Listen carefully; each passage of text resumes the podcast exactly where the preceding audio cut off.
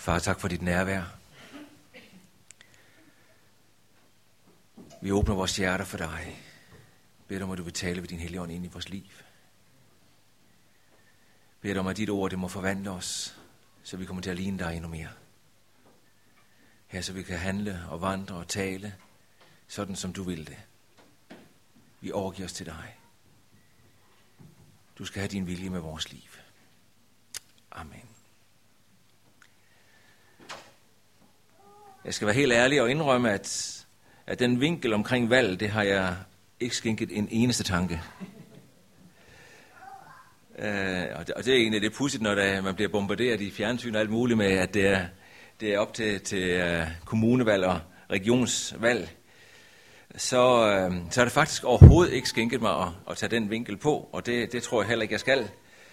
Uh, faktisk så det, jeg har, har i, i sinde og lagt på hjertet i dag, det er, det er måske en af de, de allermest prædikede prædikner i gamle dage. Jeg ved ikke, om det bliver prædiket så meget i, i vore dage. Øhm, prædiken omkring retfærdiggørelse og helliggørelse. Øh, når man sådan læser de gamle bøger, som vi nogle gange støver af på vores reol, så er det måske nogle af det, de ting, som er skrevet allermest om førhen. Nu er der mange andre ting, som er taget op i vores tid. Men det er faktisk det, der er lagt på mit hjerte. Og jeg er nødt til at, at dele det, som Gud har lagt på mit hjerte. Øh, det er både ud som et, et personligt, hvad skal vi sige, personligt vidnesbyrd, men også som en, en, en, en erkendelse af, at der er nogle ting, som er vigtige for os at tage fat i. Og jeg har sat som overskrift, tag ansvar for dit liv. Og netop det med valget, det er, at det vi vælger, det bærer frugt i vores liv. Uanset om vi vil det eller ej, så er, er vores valg det, som afgør frugten af vores liv. Det, som kommer ud af det. Det, som er, er åbenbart. Og øhm, der var også en af de gamle sange, der sådan sagde, på træet skal frugten kendes, eller på frugten skal træet kendes. Det er, det er frugten, som afgør, hvad, hvad er det, der er derinde. Og øhm, det er noget af det, som vi skal tage fat på her i formiddag. Bibelen er fyldt med billeder, når det gælder retfærdiggørelse. Og øh, vi elsker at tale om retfærdiggørelse. Fordi retfærdiggørelse, det er noget, som Gud han suverænt har gjort igennem Jesus. Igennem nadveren øh, mindes vi om det gang efter gang. At han gav sit liv en gang for alle, for at vi skulle få livet i ham. Og enhver, som påkalder ham, skal blive frelst, skal blive retfærdiggjort, skal få lov til at få del i hans frelse, at han tog al vores synd, al verdens synd, al straf på sig, for at vi skulle blive rene. Hvor ofte har vi ikke takket Gud for, at, at uanset om vores synd er rød som skarlagen, så skal den blive hvid som sne. Hvor ofte har vi ikke sagt, Gud, hvor er det fantastisk med din store nåde imod os. Har I ikke takket for Guds nåde i dag? Amen. Hvis ikke det var for Guds nåde, hvad så? Så vil vi ikke stå her i dag. Så vil vi ikke være dem, vi er. For Guds nåde er så fantastisk. Og et af de, de mest fantastiske billeder, vi har mange af dem i Bibelen, det er jo beretningen om den fortabte søn. Jeg skal ikke gå så meget ind i, i den beretning i dag, bare nævne den for os og minde os om den. Denne søn, som, som var i faderhuset, som havde fået alt, men som vendte det hele ryggen. Han sagde, giv mig min arv, nu vil jeg ud og leve mit eget liv, bestemme over mit eget liv. Han tog nogle valg og gik bort fra faderhuset. Og så er det, at han lever i sit liv i sus og dus, som vi kender det, og læser om det. Og til sidst så, så er den formue, som han var rejst afsted med, den forsvandt lige så stille og roligt. Og til sidst, så havde han ingenting tilbage. Og for ikke det, det skulle være, blive værre snart, så, så blev det også hungersnød i landet. Og han havde ikke noget at leve for. Han måtte endda ønske sig at æde det, som svinene fik at spise.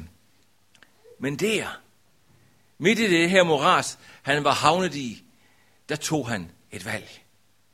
Han sagde, jeg vil gå tilbage til mit fars hus. Og han rejste sig midt i skidtet, midt i dynget, og gik tilbage til faderhuset. Og det her fantastiske billede med Guds nåde, det er jo, at faderen så ham, selvom han var på lang afstand, så løb faderen ham i møde og fagnede ham og sagde, velkommen hjem, min søn. Og det er retfærdiggørelsen i sin sande væsen. Han sagde, far, jeg er syndet imod dig, og han fik næsten ikke udtalt noget som helst, før faren sagde, kom med, med nye, nye rene klæder, kom med, med sejlringen på, på fingeren, og så videre, og så videre. Og nu skal der være fest, for min søn, som var fortabt, han er kommet tilbage. Og Guds nåde dækkede, Guds nåde genoprettet fuldstændigt denne unge mand, da han kom tilbage til faderhuset. Og sådan er Guds nåde. Den genopretter fuldstændigt. Heldigvis. Guds nåde er ikke som os. Vi tænker, åh ja, han har gjort det en gang, så kan han komme til at gøre det igen. Vi, vi, vi har en masse øh, fordomme og, og bindinger i vores sind, men sådan er Gud ikke. Og vi skal ikke begynde at tillægge Gud vores dårlige ting. For Gud, han tilgiver fuldstændigt. Synden bliver kastet i glemslens hav. Det bliver udslettet. Det bliver til intet gjort. Det er der ikke længere. Så nogle gange, når vi minder Gud om vores egne synder, så siger han, hvad er det, du snakker om? Fordi Gud, han er tilgivet. Gud har glemt. Gud har visket det ud. Jesus har taget straffen på sig. Så retfærdiggørelse, det, det er et fantastisk emne at tale om, og det elsker vi at tale om. Men der er også noget, der hedder helliggørelse. Og det er den side, som jeg gerne vil pege lidt på i dag. Og her er der to grøfter i forkyndelsen. Den ene grøft, det er, at Helligånden i, i vores liv gør alt. Og den anden grøft, det er, at vi skal gøre alt. Det er altså en sammenkobling. Helligånden gør ikke alt. Det er os, der vælger. Det er os, der må tage ansvar.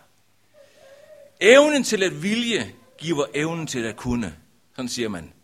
Jeg vil sige, det at vi vil, giver Helligånden plads i vores liv, så vi kan. Men valget er vores. Valget er dit og mit. Hvordan vi reagerer på ting, hvordan vi tillader ting at påvirke os, hvordan vi tillader ting at, at, at danne vores liv, vores tanker, vores følelser, vores handlinger. Gud har en standard. Og den standard ønsker han at skulle, skulle være kendetegnende for vores liv. Det skulle være frugten af vores liv, at vi lever op til Guds standard. Der står sådan her i Esajas 46:12, hvor Esajas han siger til Israel, Hør her, mit genstridige folk, som er langt fra at leve op til min standard. Som er langt fra at leve op til min standard. Lever vi op til Guds standard? Skal vi leve op til Guds standard? Det kan vi jo ikke, kan vi? Når vi så læser øh, uh, Matthæus kapitel 5, 6 og 7, bjergprædiknen, når Jesus han taler om Guds standard, så, så, så, så må vi sådan trække vejret den ekstra gang. Oh, kan jeg nogensinde komme til at leve op til det? Men Gud har en standard, og han ønsker at forme os og forvandle os, og lade Helligånden virke sådan ind i vores liv, at Guds standard bliver mere og mere synlig i vores indre menneske og i vores ydre menneske. Et af de øh, meget omtalte skrifter, der man ofte bruger i denne sammenhæng, det er jo fra Galaterbrevet, det femte kapitel, hvor at, at åndens frugt og kødets øh, frugt eller begæringer, de er, er synlige i vores liv. Og vi er i en kamp. Der er en kamp i vores indre menneske hele tiden, hver eneste dag, 24 timer i døgnet. Og udkommet af den kamp, det afhænger af, hvordan vi vælger. At vi tillader Helligånden at virke i vores liv, sådan at Guds standard kommer til udtryk igennem os. Efeserbrevet, det 5. kapitel, vers 1, der står der sådan her, at vi skal komme til at ligne Gud som hans elskede børn. Og det stiller os selv spørgsmålet, ligner vi Gud? Er, er, er Guds billede, er det det, der kommer til udtryk igennem vores liv?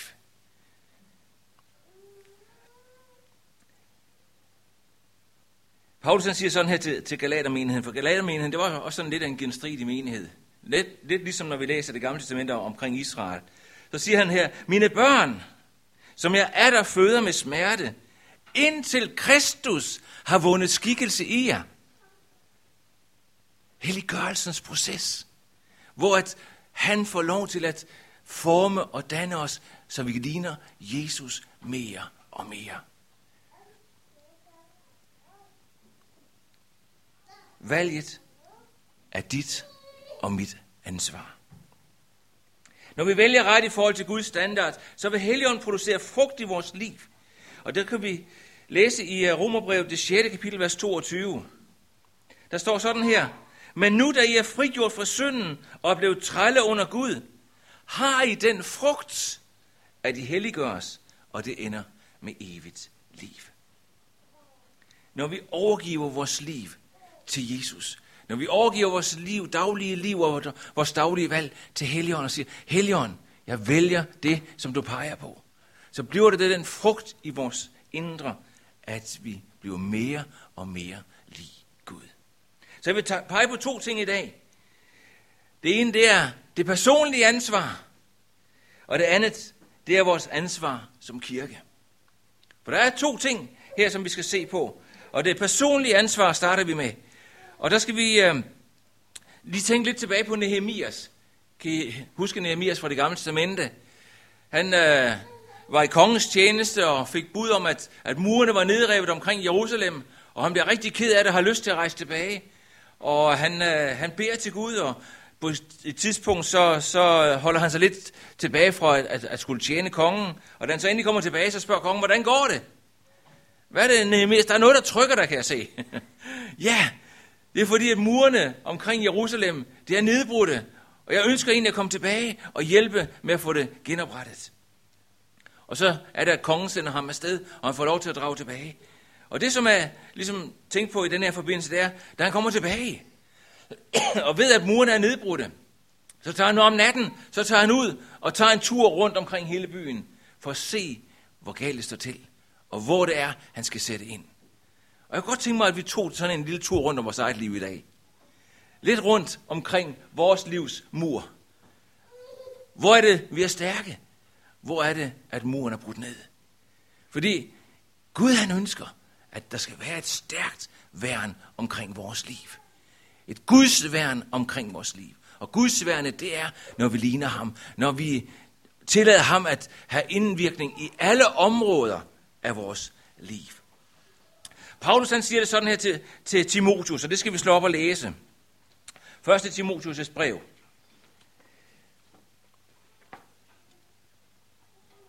Der skriver Paulus sådan her til sin unge tjener, eller medtjener.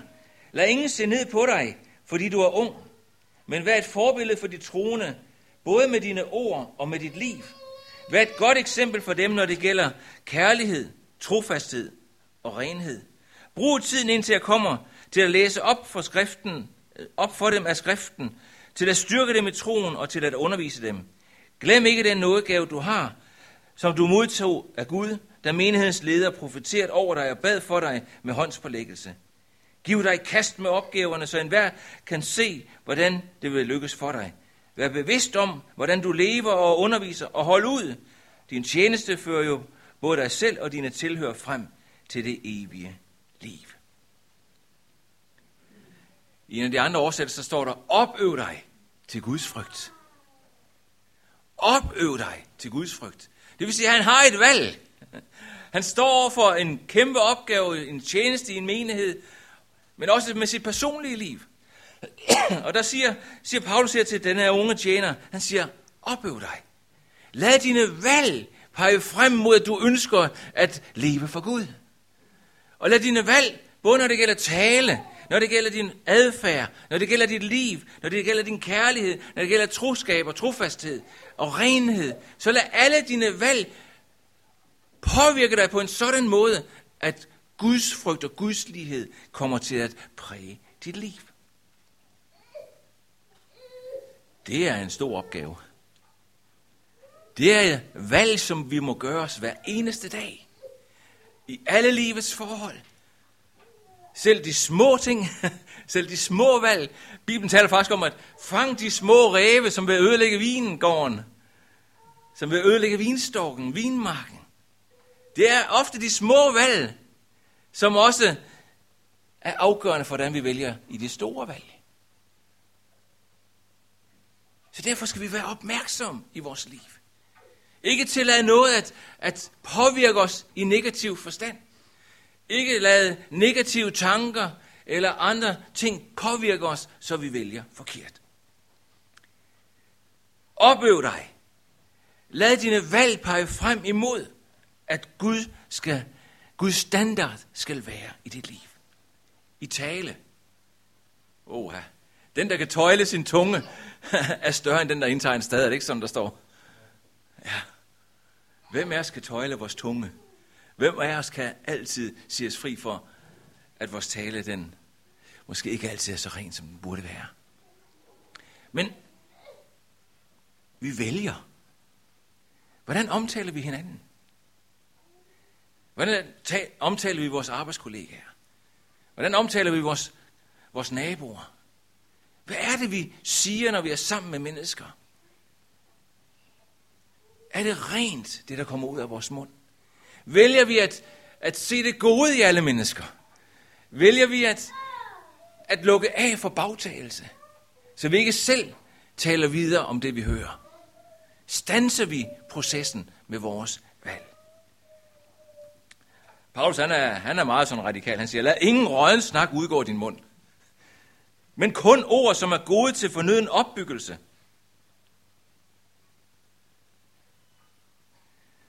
Vi har en datter på 14 år, og teenager, de skal se DMA. Dansk Music Awards. Og når jeg sådan tænker på, hvad, hvad, hvad der bliver lukket ud af deres mund sådan en aften. Kære venner. Men hvad lukkes der ud af vores mund? Hvad er det, der præger os? Hvad er det, vi giver videre? Er vi opmuntrende? Viser vi respekt? Øh, eller er vi det modsatte? Jeg tror, vi alle sammen ved, hvad Guds standard er, ikke også? Har vi nogensinde hørt Jesus bagtale? Har vi nogensinde hørt ham forbande? har vi nogensinde, at han har brugt eder? Eller så videre, så videre. Nej. Jesus han siger, yes, ja skal være ja, og jeres nej skal være nej. I skal være sandro oprigtige i alt, hvad I siger. Som en opmundring til os der. Lad vores tale være ren. Lad vores tale være, så den er til opbyggelse.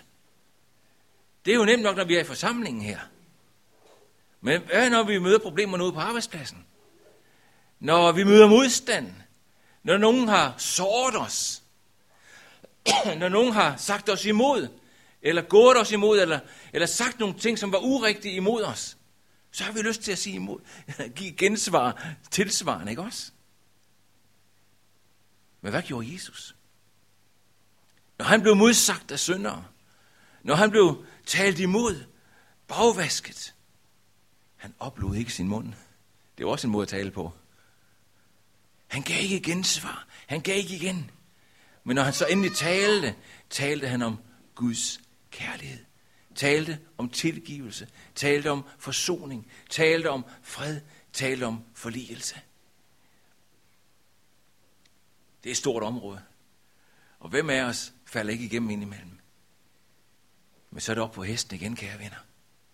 Og ikke lade det blive en del af vores liv, at vi bare kører med på vognen. Jeg ved, det er svært, når vi er på arbejdspladsen. At når de andre bagtaler, at vi så sætter en stopper, og jeg siger, nej, hvis vi skal sige noget, så må vi gå til rette vedkommende. Min kone, hun er rigtig fin på det her område. Der har jeg meget at lære. Når hun kommer på en arbejdsplads og på en ny arbejdsplads, der går ikke ret mange år, så har hun fået lov til at vende stemninger. Sådan så det er som dag og nat. Hun er simpelthen så fin på det område. Og kunne vi lære det? Kunne vi lære at få lov til at igennem vores tale, igennem vores adfærd, at forandre det mørke, som kommer med bagtagelse, med ufred og uvendighed. Opøv dig til Guds frygt i din tale, men også i din færd. Hvordan er vores færd? Hvordan, hvordan lever vi vores liv? Lever vi rent? Lever vi helligt? Lever vi Gud til ære? Paulus han siger igen her, se derfor nøje til, hvorledes I vandrer. Det er fint at komme her og mindes Jesu død på Golgata. Retfærdiggørelsen. Men det skal præge vores liv, når vi går ud af døren. Det skal præge vores handlinger. Det skal præge vores måde at være på. Det skal præge vores, vores, vores liv i alle dets afskygninger. Sådan at vi er ren i alt, hvad vi gør. Så vi ligner ham i alt, hvad vi gør. Jesus talte meget om, om at gøre. Og vores liv, vores adfærd, det er jo at gøre. Rækker vi den sultne noget brød? Giver vi den nøgne klæder? Giver vi den hjemløse et sted at være? Og så videre, og så videre. Hvordan er vores færd? Lever vi kun for os selv? Så er det spørgsmål, om vi i det hele taget lever. Vi er kaldet til at leve for hinanden. Vi er kaldet til at leve for vores næste. Den, som lever kun for sig selv, lever et fattigt liv, uanset hvor rig de kan være på materielle ting. Men når vi lever for andre, og giver vores liv ud, og deler vores liv ud, og deler Kristus liv ud igennem vores liv, så uanset hvor fattige vi kan være på materielle ting, så er vi de rigeste mennesker af alle. Opøv dig til Guds frygt i kærlighed. Jeg tror, vi alle sammen har læst kærlighedskapitlet 1. Korinther 13. Hvad? Kærligheden. Har I ikke, har I ikke læst det kapitel? Mange gange. Hvis det er kærlighed, så har vi noget at arbejde med, har vi ikke det? Eller er det kun mig, der har det? Skal vi læse det igen? Hva? Skal vi lige prøve at stoppe og bare læse lidt af det?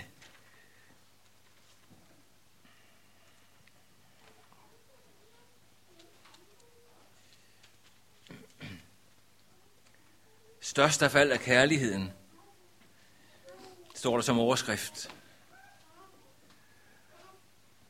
Om jeg så var i stand til at tale alle de jordiske og himmelske sprog, men ikke havde kærlighed, der var jeg som en rungende gongong eller en skingrende bækken.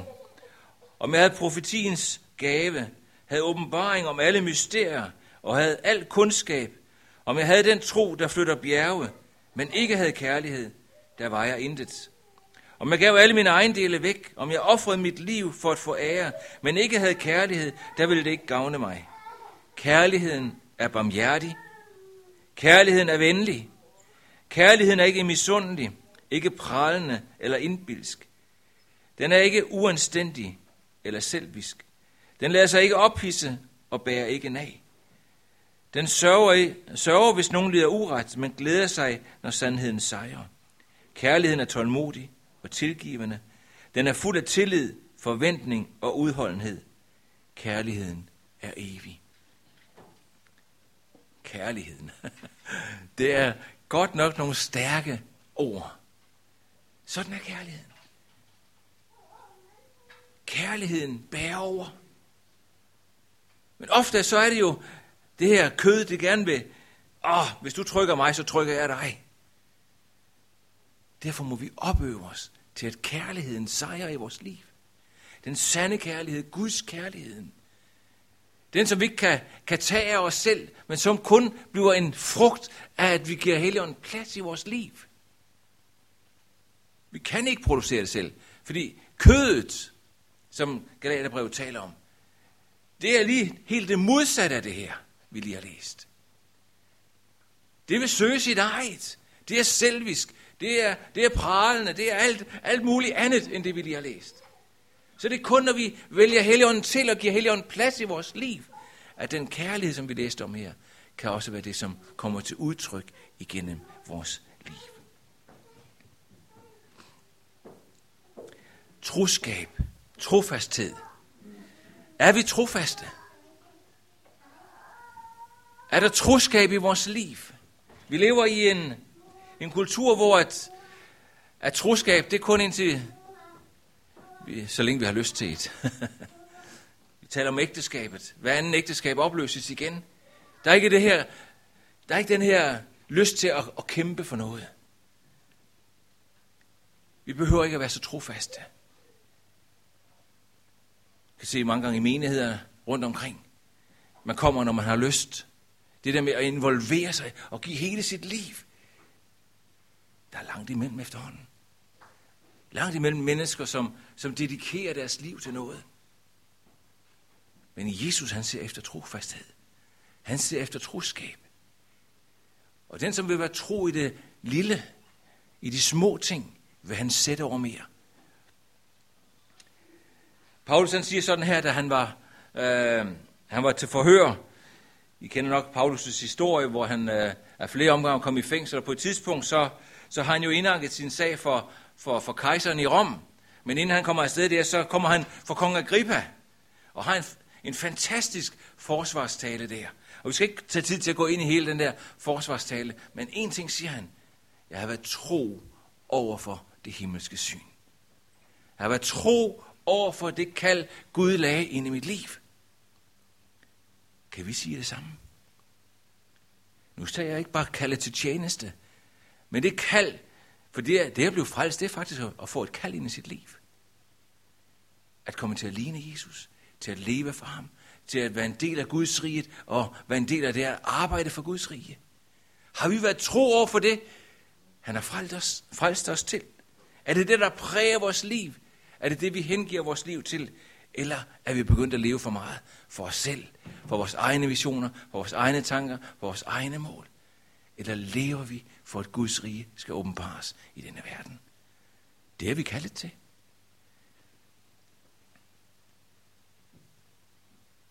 Det sidste, han siger her til Timotius, det er, vær også et forbillede for de troende, når det gælder renhed.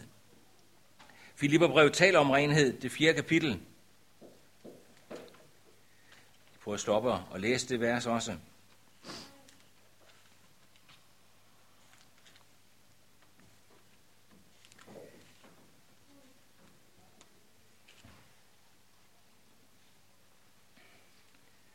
Jeg tror, vi kender alle sammen versene, når der står her, vær glade, eller vær altid glade i jeres tro på Herren. Jeg siger igen, vær glade. Lad alle mærke, at de har et ventet sind, Herren er nær. Vær ikke bekymret for noget, men sig altid Gud tak og læg jeres ønsker frem for ham i bøn. Så vil I opleve, at Guds fred, som overgår al menneskelig forstand, vil beskytte jeres tanker og jeres hjerter og bevare jeres tillid i Kristus. Desuden opfordrer jeg til, kære venner, at fokusere jeres tanker på det, der er sandt og ædelt, ret og rent. Det, man værdsætter og taler godt om, ja, alt, hvad der udmærker sig og er værd at rose. Lev efter det forbillede, I har i mig, og den undervisning, I har modtaget fra mig, så vil fredens Gud være med jer. Det er jo stærkt, at Paulus kunne sige sådan, gør som mig. Men han siger, lev i renhed. Lad renheden præge jer i alt, hvad I gør. Og det er det, han siger til, til Timotheus. Tænk på det her. Tænk på det, Timotus. Lad det være det, som fylder dit sind og dine tanker hver eneste dag. Det det med at opøve sig til Guds frygt. Han siger, tænk på det. Men ikke nøjes med at tænke på det. Fordi nogle gange så kan vi tænke på rigtig mange ting, som aldrig går i opfyldelse. Man siger, tænk på det. Lev i det. Så alle kan se, du gør fremgang. Det vil sige, det var synligt. Det var ikke bare noget, åh, jeg tror, det er personligt, det er noget, jeg har i mit indre, det er noget, Jesus gør inde i mig. Nej, når Jesus gør noget i dig, må det komme til udtryk. Der vil være en frugt af det, som han gør i dig, som er synligt for alle mennesker.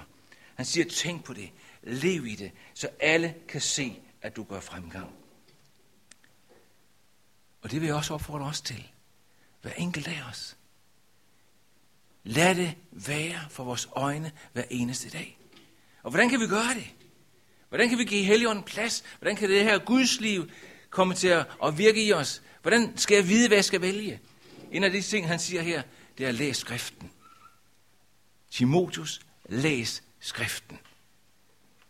Hvor meget fylder Bibelen i vores liv? Ah, jeg har da læst den mange gange, og jeg har da gået til mange møder. Ja, men lad den fylde dig hver eneste dag. Lad Guds ord være en stor del af dit liv hver eneste dag. For det er det, der skal være med til at forme dine valg. Det er det, der skal rette dig ind, så du vælger ret. Det er det, som gør, at Helligånden har noget at tage af i dit liv og pege på, sådan så du kan vælge det, som er velbehageligt for Gud. For ingen af os kan tænke Guds tanker i egne tanker. Det er ikke naturligt for os.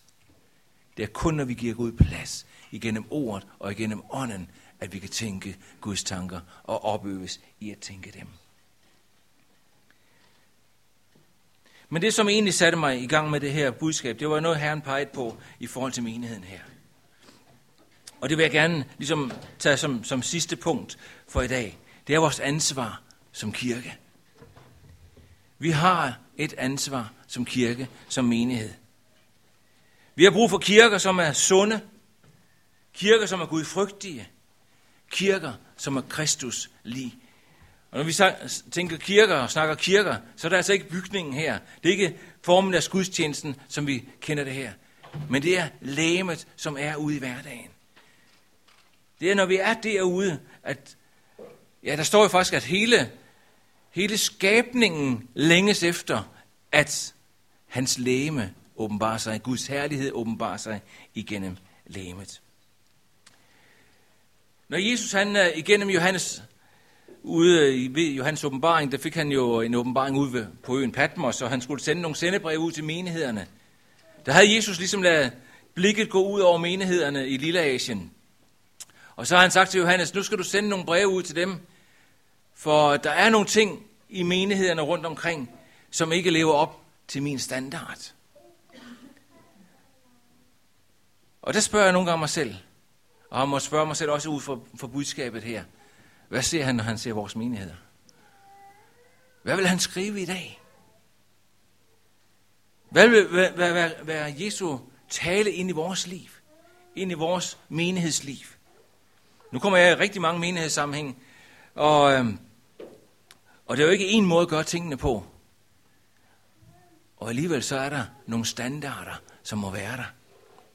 Og noget af det, som, som Jesus han pegede på over for menighederne i, i uh, Johannes åbenbaring, det er også nogle af de farer, som vi står overfor. Nogle af de ting, som, som vi så nemt kan komme til at lade præge vores menigheder. Og den første ting, han peger på, I kan selv slå, slå op i uh, Johannes åbenbaring, det, det andet og det tredje kapitel, når I kommer hjem og læser de her breve igennem. Jeg tager bare nogle punkter ud her. Nogle af de ting, som han peger på, som, som, øh, som er fare momenter for at Gudsværket går i stå, for at, at vi ikke bliver gudslige i vores udtryk. Og i de allerfleste menigheder, så var en masse gode ting. Men han så også en fare for, at tingene kunne gå i stå, og at det Guds værk, som var begyndt, kunne ødelægges. Og en af de ting, som han minder om allerførst, det er, at hvis vi mister vores første kærlighed, så mister vi alt. Så kan vi have nok så store programmer, nok så gode øh, lovsang og musik og arrangementer og så videre og så videre og så videre. Men hvis kirken mister sin første kærlighed, har den mistet alt. Og en kirke, som ikke har kærlighed til Kristus og hans værk, er ikke en kirke. Det er i bedste fald en forening. Hvordan er temperaturen i vores menighed? Elsker vi Jesus mere end alt andet? Husker vi på, hvorfra vi er kommet? Husker vi på, da vi mødte ham første gang? Og er den kærlighed stadigvæk brændende i os? Hvordan er det i et ægteskab? Er kærligheden bare naturlig? Nej, man må arbejde på det. Er det ikke rigtigt? Et ægteskab må man arbejde på. Og sådan er det også med Guds forholdet. Vores valg afgør frugten.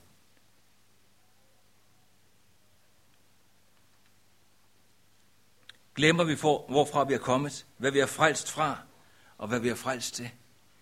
Eller kan vi stadigvæk begejstres over Jesus? Er det stadigvæk ham, som fylder os og er glæden i vores liv?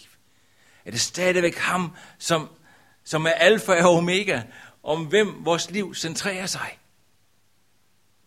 Eller glider han lidt i baggrunden, som årene går? Vi står i fare for det. Nu har jeg været præst i over 30 år. Jeg står i fare for det. Jeg har haft perioder også i mit liv, hvor jeg har måtte blive mindet om det her, og måtte komme tilbage. Hvor tingene var blevet en rutine. Hvor tingene bare var, ja, det er jo sådan, vi plejer at gøre. hvor det ikke kom ud af, af passion. Hvor det ikke kom ud af lyst. Hvor det ikke kom ud af, af kærlighedsforholdet til Jesus. Hvor det bare var blevet foreningsarbejde. Kære venner, hvis vi har det sådan i dag, så er det på tide at komme tilbage. Rejs dig, siger han, derfra hvor du er faldet. Kom tilbage til den første kærlighed. Det er en stor fare for enhver kirke. Og især os, som, øh, som hvor vækkelsestiderne er på lang afstand. hvor at, at vi ikke har været involveret som sådan i en, en, øh, en landsvækkelse. Øhm, vi er faktisk tredje, fjerde generation af, af de, de store vækkelser. Og vi lever i en farlig tid. Fordi tingene kan dø med os. Ikke fordi jeg tror, at Guds kirke nogensinde dør. Men vi kan i hvert fald gøre det svært for næste generation, hvis ikke vi fanger den første kærlighed. Hvis ikke Gud får lov til at sende os i brand. Hvad skal vi så give videre til vores børn? Det vil hele tiden forsvinde ud, hvis ilden ikke holdes ved lige. Så vil det blive mindre og mindre varme. Lad os komme tilbage til aldret og lægge os der. Fordi det er kun der, hvor der er brænde på bålet, at ilden den brænder. En anden ting, som han peger på i sendebrevene, det er en fare for at gå på kompromis.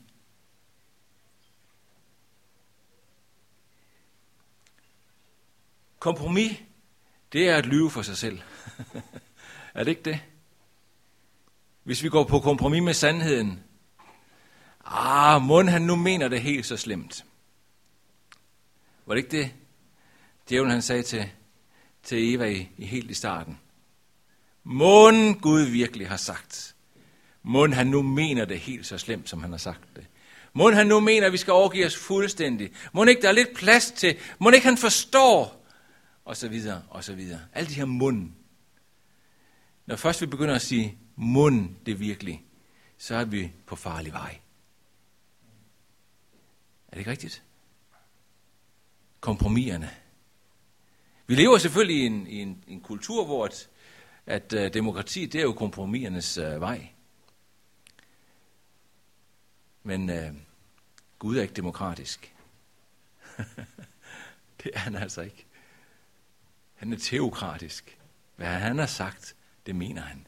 Det står ved magt. Det står ikke til at diskutere. Så hvis han har sagt, at du skal tilgive din bror og din søster, den som har gjort dig imod, så er der ingen vej udenom. Hvis han har sagt, sådan og sådan er tingene, hvis vi vil have hans frugt i vores liv, må vi gøre, som han siger.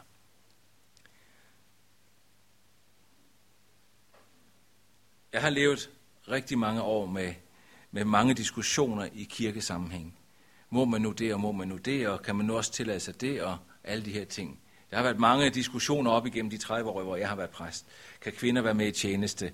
Uh, kan vi, uh, kan vi vige uh, øh, skilsmisseramte? Kan, kan de blive gengift? Og så videre, så videre. Vi har haft rigtig mange diskussioner op igennem årene af alle mulige slags. Og det er ikke altid let. Det skal jeg hilse at sige. Men når vi vil Gud, så vil han os. Og hvis vi vil ham, så vil vi også gøre, som han siger. Så lad os lede af Helligånden i alle de svære spørgsmål, for der vil være svære spørgsmål. Hvor er det vigtigt, at vi søger ham og er villige til at handle, som han siger, vi skal handle. Det er der, vi har velsignelsen, og det er der, vi har freden til at gå videre. Det tredje, som de bliver, der bliver peget på, det er, at nogle menigheder finder sig i kvinden Jezabel. Øhm, um, Isabel er et billede på den falske lærer. Og der har godt nok også været mange, som har hævdet, at Bibelen taler sådan og sådan. Og mange har bare fulgt med bevidstløst. fordi de ikke selv kendte Guds ord. Ikke selv tog stilling til, hvad siger skriften egentlig. Og hvor har der været meget vranglærer. Hvor har der været mange falske lærer og mange falske profeter. Og derfor er det så vigtigt, at vi læser Guds ord. At vi kommer i en menighed, hvor der er en sund bibelfundament, øh, funderet lærer, hvor fundamentet er i orden. Når fundamentet er i orden, så kan man bygge rigtig mange skæve ting. Men hvis fundamentet ikke er i orden, så er det lige meget, hvordan man bygger, så vil tingene falde sammen til sidst. Så lad os have fundamentet i orden. Den fjerde ting, som, som han peger på, det er, han siger, nogen er blevet sløve. Nogen er blevet sløve. Han siger sådan her faktisk, at jeres handlinger er utilfredsstillende i mine øjne.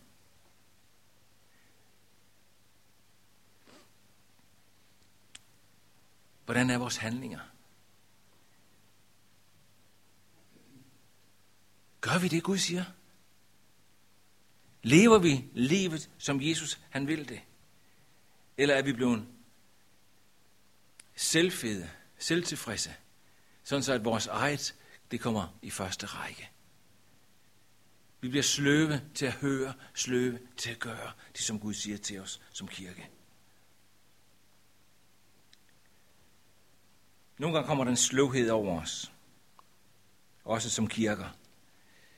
Så bliver vi så optaget af vores interne. Så den sløvhed egentlig lammer os. Det bliver så dagligdags det hele. Men han ønsker, at vi skal komme ud. Han ønsker, at evangeliet skal komme ud for de fire vægge. Sådan at vi i vores handlinger udtrykker det, som vi siger inde i kirken. Det sidste, og det skal jeg til at slutte med, det er, at han siger, Gid I var enten kold eller varm. Men fordi jeg blev en lunkne, har jeg i sinde at udspy jer af min mund. Lunkenhed. Det blev talt til en, til en menighed, som, som øh, lå placeret i en by, hvor der på den ene side var varme kilder, og på den anden side var, var rigtig dejligt, frisk, koldt vand. De varme kilder var til, til helbredelse, til helse. Man kunne bade i dem og opleve, at, at, at det var godt for, for lægemet. De kolde kilder, det var selvfølgelig frisk vand. Og han siger, at hvis man blander de to ting og får noget lunken, så smager det bare ikke godt. Jeg ved ikke, om I nogensinde har prøvet det. Er nogen af jer, der kan lide kold kaffe? jeg bryder mig ikke så meget om det, men det bliver ofte, når jeg er ude til samtaler med folk, så, så ender jeg altid med kold kaffe. Men det smager altså ikke så godt. Jeg vil helst have det varmt. Og sådan er det. Og skal jeg have noget vand? Jamen altså, der er ikke noget værre end at drikke noget lunken vand, vel? Men sådan frisk, koldt vand. Åh, det er læskende. Det er dejligt. Sådan er det. Lunkenhed er en forbandelse. Når vi hverken er det ene eller det andet. Når det næsten er blevet til mudder det hele. Hvad har vi så at byde mennesker? Men hvis vi har frisk, koldt vand, så kan vi være med til at læske nogen. Hvis vi har de varme kilder, kan vi være med til at helbrede nogen. Hvad er vi for en menighed? Hvad er vi for et folk? Er vi nogen, som er hverken eller? vi gør ingen forskel. Det er lige meget det hele. Eller er vi dem, der gør en forskel? Hvad vælger vi? For det er et valg, vi gør os. Hvis vi ingenting gør, er det også et valg. Og så sker der i hvert fald ingenting. Men hvis vi vælger at hanke op i os selv, og sige, nu skal det være anderledes. Helligånd, du må hjælpe mig til det. Jeg vil vælge hver eneste dag. Og nogle gange så må vi, når, vi, når, når der er nogle nye valg, det drejer sig om, nogle nye vaner, der skal til, så, så, så kræver det hele tiden, at vi er på beatet, altså. Jeg forestiller mig, at dem, som skal holde op med at ryge, det er mange valg i løbet af en dag. Det kan godt være, det kribler i fingrene, men så må de sige, nej, jeg har valgt at holde op, at stoppe, og så gå videre igen. Det kan være andre områder, men nu var det det, det der faldt mig i tanke. Hvad med os? Nogen ting, som, hvor vi skal forandre, kan være svære. Men det starter med, at vi vælger, og det fortsætter med, at vi vælger. Så længe vi er i kødet, så længe vi lever her, så er vi ligesom borgere i to riger.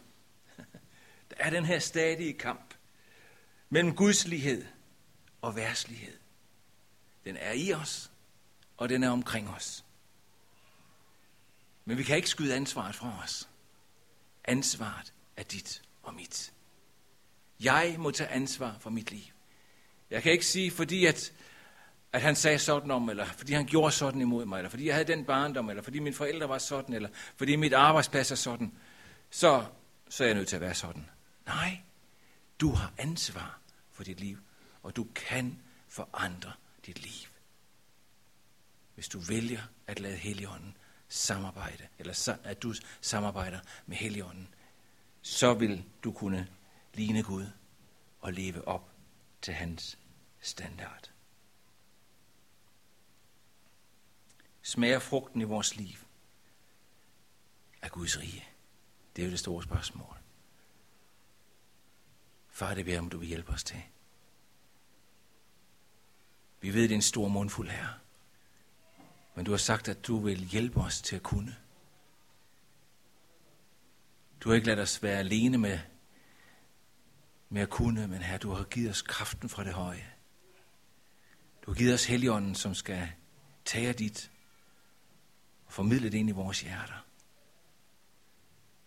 Hjælp du os hver især, både som personer, men også som kirke, at være lige nøjagtigt der, hvor du vil have os. At vi må være brændende i ånden. At vi må tjene Herren. At vi må leve for dig. Giv du os stor noget til det her. Det beder jeg om. Amen.